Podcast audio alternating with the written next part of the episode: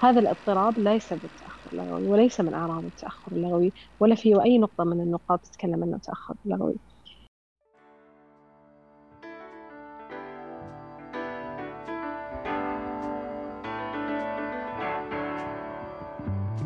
أنا بسمة حميد أهلا بيكم في بودكاست مظلة.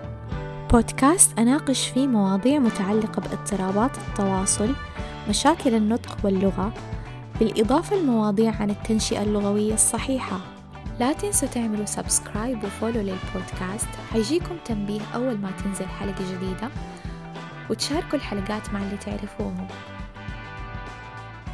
هذه الحلقة بعنوان اللغة وفرط الحركة وتشتت الانتباه.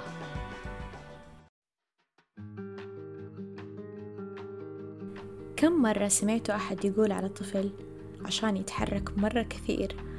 عنده فرط حركة أكيد. أنا عن نفسي سمعتها كثير. فرط الحركة وتشتت الانتباه موضوع يكثر الحديث عنه مع مواضيع في جوانب مختلفة زي الجانب التعليمي أو الجانب النفسي. وكمان يرتبط ذكر فرط الحركة وتشتت الانتباه مع المشاكل اللغوية. وكأخصائيين تخاطب دائما يتم وضع ملاحظات عن انتباه الطفل وتركيزه وحركته آه، خلال عملية تقييم اللغة. فهل كل طفل يتحرك كثير وما ينتبه يدل على وجود اضطراب فرط الحركة وتشتت الانتباه أو قصور في جوانب أخرى في تطوره أدت لظهور هذه الأعراض؟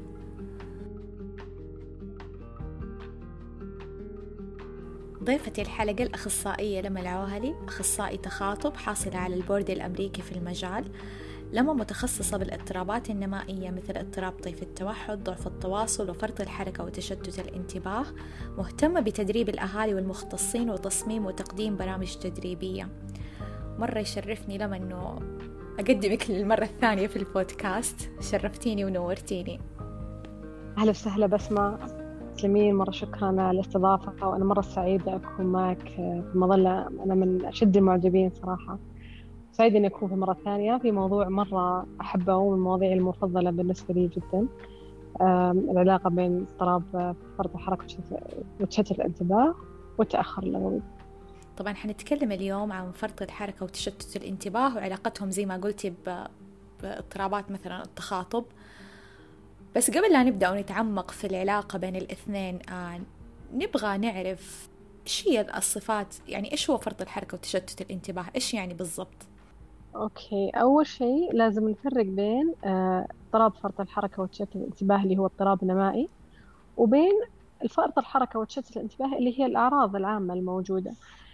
ويمكن أحسن طريقة إن إحنا نقولها إنه ما هو كل فرط حركة ولا هو بكل تشتت انتباه معناها إنه هذا الشخص عنده اضطراب فرط الحركة وتشتت الانتباه. يمكن وهذا يمكن آه، أنا بالنسبة لي هذا أهم يعني منظور نتكلم ونشرح فيه من منظور اللغة والتواصل لأنه هذا الشيء اللي فيه كثير لغط الاضطراب اضطراب له يعني له كاضطراب اضطراب نمائي يعني ينولد الشخص فيه وعادة يستمر في مو عادة هو يستمر إلى الكبر. ولكن الأعراض حقته ممكن في الكبر تكون ما هي واضحة أو تقل حدتها وكذا تشخيص آه، آه، فرط الحركة وتشتت الانتباه تشخيصه في عناصر مرة كثيرة آه، سواء متعلق بالاندفاعية أو تشتت الانتباه أو فرط الحركة. كثير من هذه العناصر أصلا تحتاج لمهارات تطورية فما تقدر تقيميها على الأطفال الصغار ف... فممكن يكون الطفل يتحرك مرة كثير ومشتت ولكن صعب تجزمي بتأكيد التشخيص آه، لأنه بعض هذه العناصر تحتاج العمر أكثر.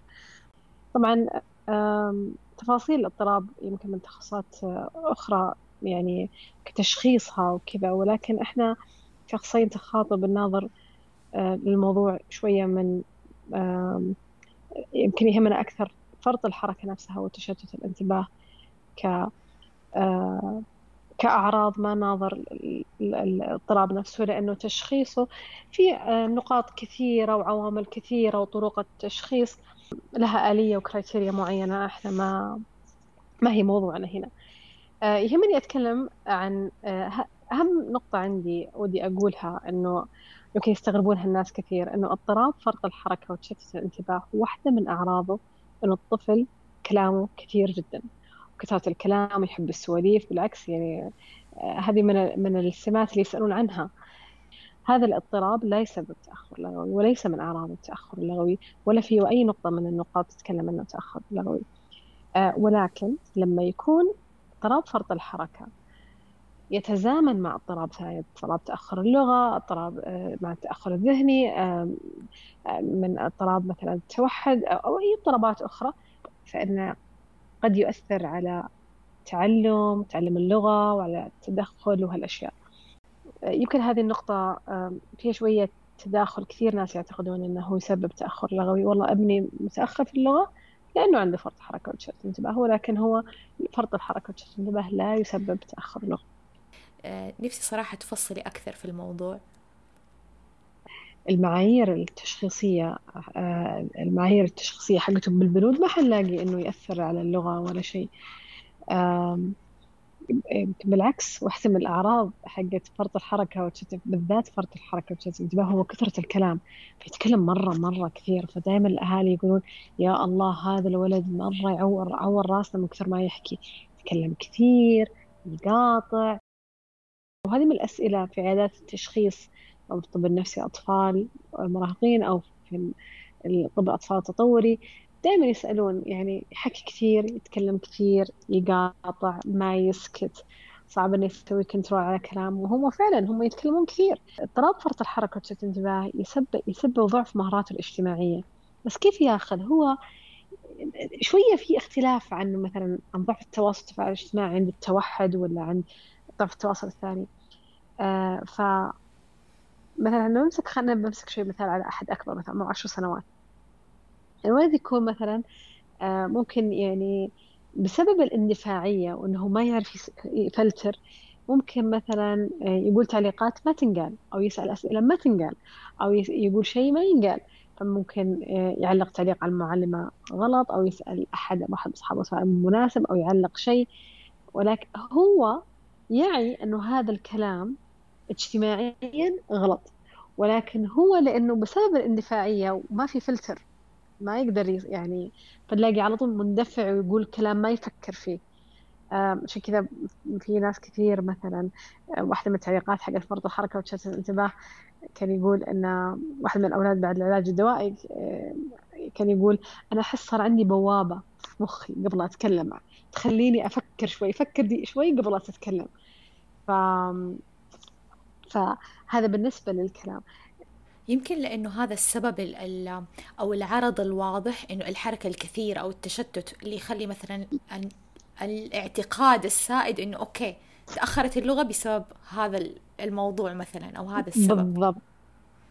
وهنا وهنا عشان كذا أنا حكيت إنه آه، يهمني أتكلم عن أعراض فرط الحركة الأعراض نفسها فرط الحركة أو تشتت الانتباه. فلو بنمسك فرط الحركة إيش يخلي الطفل يكون حركته كثيرة؟ أول شيء ضعف الإدراك. لما يجي الطفل عمره أربع سنوات ومهاراته الإدراكية عمره سنة ونص طبيعي إنه يكون يتحرك طول الوقت. أطفال عمر سنة ونص ما يقعدون ولا عمر سنتين يقعدون.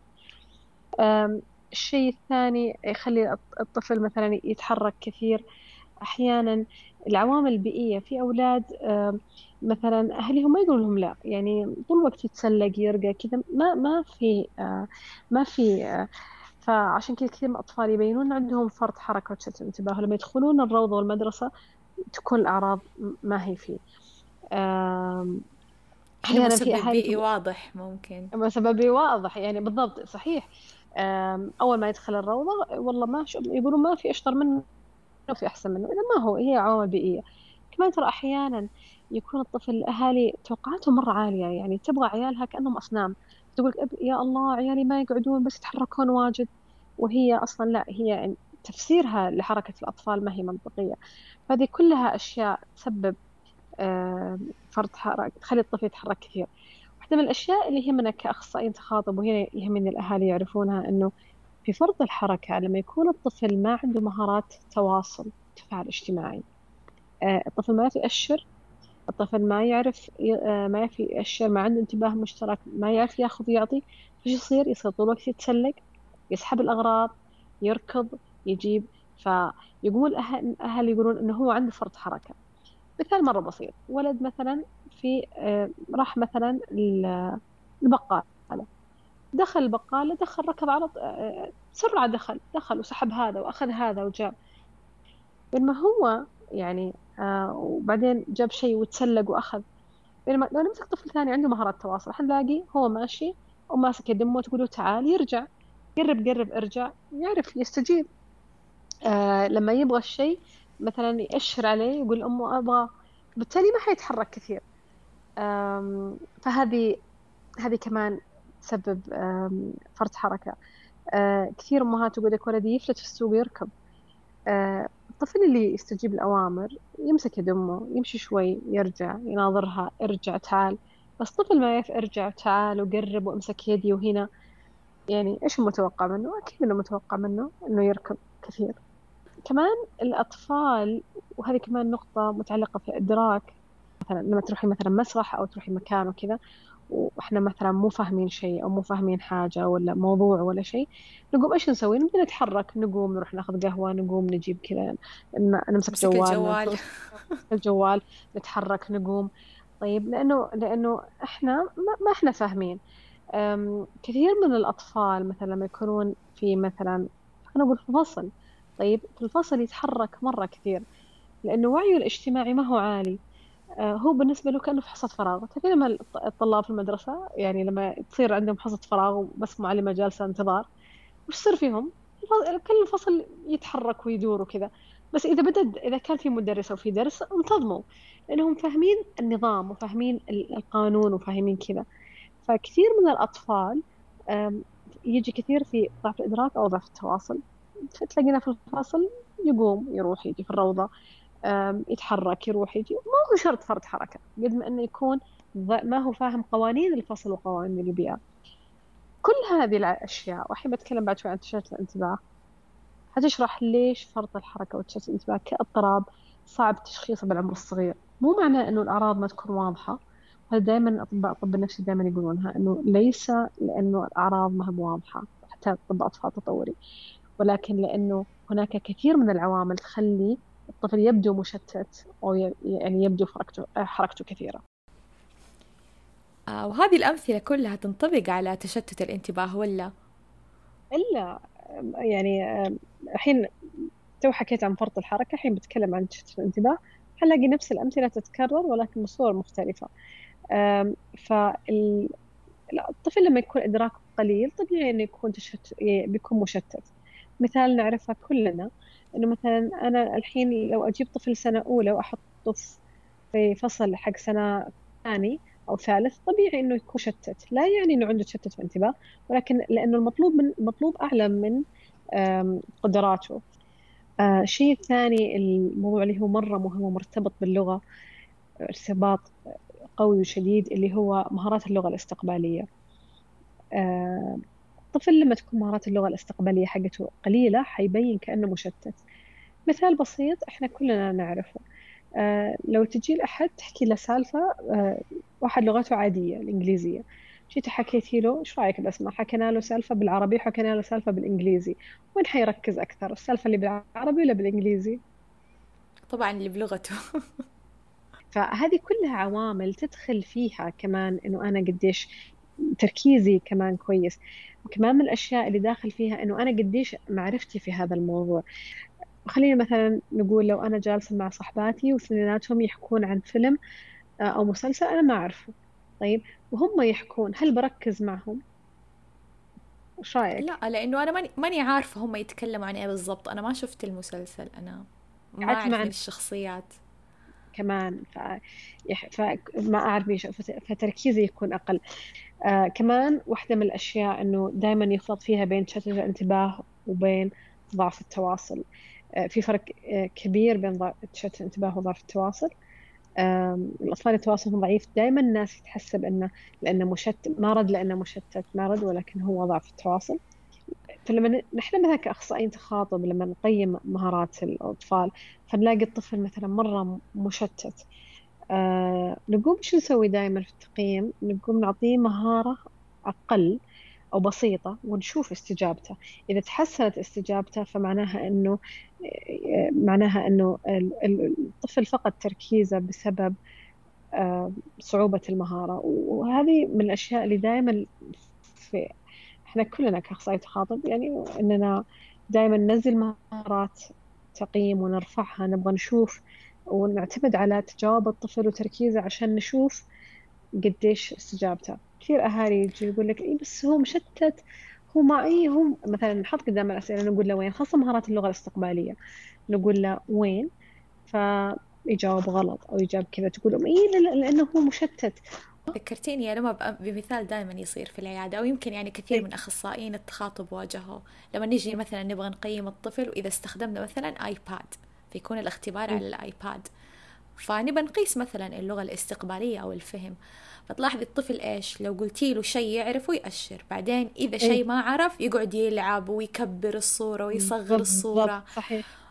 بعدين الأغلب إنه الأهل إنه يمكن يعرف بس هو كان متشتت بالآيباد. بس لما أعطيناه أشياء أو مسميات أو مفاهيم كانت جدا مرتاح فيها وهو يعرفها على طول استجاب وكان يعني يمكن حتى ما تطلب منه تركيز عالي. وهذه الأشياء البسيطة اللي نلاحظها وقت التقييم آه، تعطينا مرة مؤشرات لوين المشكلة بالضبط. يعني ما نستهين فيها. تعرفي بسمة يعني آه، في كثير يعني أهالي ما يعرفون إنه إنه إحنا إحنا نقيم ما نقيم ما نقيم مهارات اللغة حقتنا. دائما يعني نقيم نحط في تقييمنا حركة الطفل وتشتته لأنها تعكس المهارات اللغوية بشكل كبير. طيب لما نبغى نجي الموضوع يمكن أنت مرة مهتمة فيه. إيش الفرق بين أوكي تشتت انتباه أو ضعف تركيز وعندي ضعف في التواصل الاجتماعي؟ خلينا نمسك يعني ضعف التواصل كأساس. ضعف التواصل يهتم بالأشياء أكثر من الأشخاص. تشتت الانتباه يهتم بالأشياء والأشخاص. بمعنى أنه الطفل اللي مشتت طيب عرضت يعني لعبة جديدة وريتي شيء جديد سويت كذا يهتم في الناس يهتم إنه يقلدهم يحب يناظرهم عنده اهتمام إني أنا أتعلم منهم. آه فيناظر يعني مهارات التقليد والانتباه للآخرين الرغبة في إني أنا آه مثلكم أبغى أسوي مثلكم كويس ولكن هو مشتت. مثال ترسلين له يروح هناك يمكن أول ثانيتين يعني يستجيب ولكن بالطريق ينسى. فاللي يفرق فيها هي الاستجابات الأولى الثواني الأولى. زي ما انت عارفة بسمة يعني أحيانا في أطفال تبين تعطينا أمر يمكن بعد كم كم ثانية يا دوبك على طول نسى ولا تشتت ولا أي شيء. ولكن تشتت الانتباه اللحظة الأولى إحساسه في الآخرين عالي. طيب خاصة الناس اللي الغرب. لما أحد يحاكي أحد غريب واعي ينتبه يراقب يشوف بينما ضعف التواصل الموضوع مختلف. لما تقولين تعطينا أمر أو تحكي معه هو بالأساس ما هو منتبه لك. هو صعب تلقطيه. الثواني الأولى أنك تلقطي انتباهه أو ينتبه لك مرة صعب. وهذا أكثر شيء يصير فيه لخبطة في الموضوع. فضعف التواصل أنا دائما أقول للأهالي كأنه اللي يحاكيهم مذيع في التلفزيون مو كأنه يحاكيك أحد في الغرفة. يحس إنه عادي مو لازم أرد. عادي مو لازم أنتبه مو لازم أستجيب. لأنه إحساسه بالآخرين ضعيف. بينما التشتت لا. التشتت هو إحساس عالي جدا ويخليه ينتبه.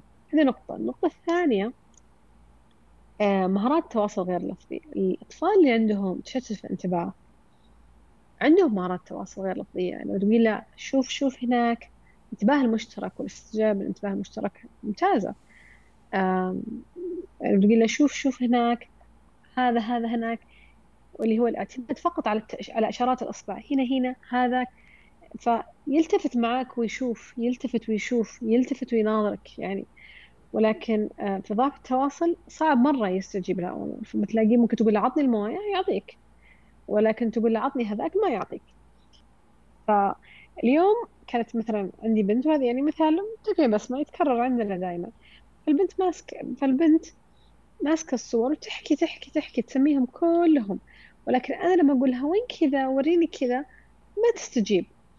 آه، فالأبو قال إيه هي مشتتة؟ هي عشان فرط الحركة. هي لأنها تتحرك كثير هي لأنها مشتتة. ولكن هي ما كانت واعية إني أنا حاكيها هي مهتمة بالأشياء أكثر من الأشخاص.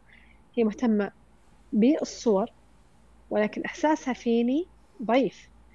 صحيح أنها حركتها كثيرة صحيح أنها متشتتة ولكن ضعف آه، فرط الحركة وتشتت الانتباه قد يجتمع مع ضعف التواصل ولكن لازم نفرق بينهم.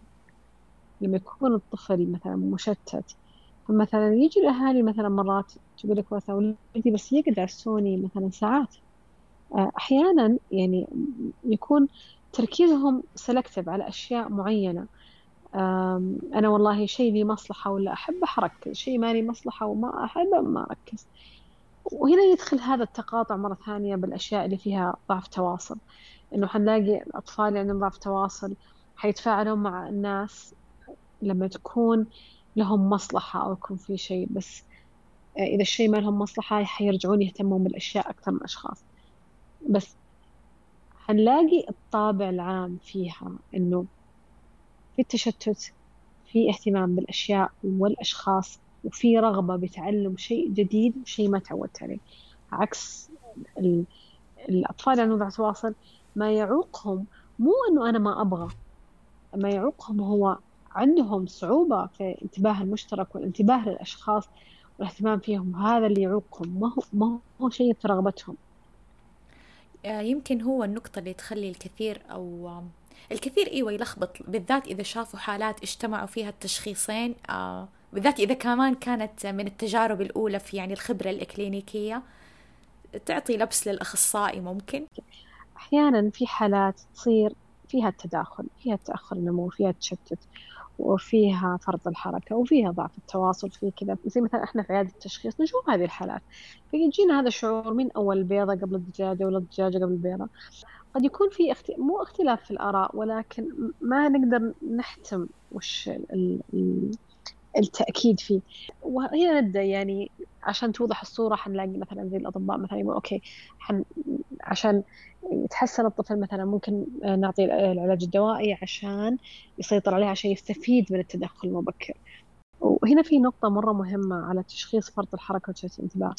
فرط الحركة وتشتت الانتباه اضطراب نمائي. صحيح الأعراض تبان من عمر صغير ولكن لأنه في أشياء كثيرة تعطي أعراض تشبه فرط الحركة وتشتت الانتباه زي اللي أنا حكيتها قبل. فحنلاقي تأكيد التشخيص عادة يكون متأخر. آه، بعمر آه، لما يدخل الطفل المدرسة لما ينضبط أو لما يكون في بيئة فيها انضباط عشان نتأكد أنه هل هذا فعلا فرط حركة أو تشتت انتباه آه مرة شكرا يا لما. على وقتك مرة ثانية اللي أعطيتي لي البودكاست. وإن شاء الله كمان ما أتمنى إنها ما هي آخر مرة. آه ألف شكر لك أنت بسمة. أنا أرجع أقول مرة ثانية من أشد المعجبين في مظلة وسعيدة أني أكون مرة ثانية. وإن شاء الله تكون الحلقة آه، ساهمت في أنها توضيح عدة مفاهيم آه، برأيي الشخصي أنها مسوية بعض اللبس على كثير من الأهالي آه، شكرا بسمة يعطيك العافية. شكرا لك.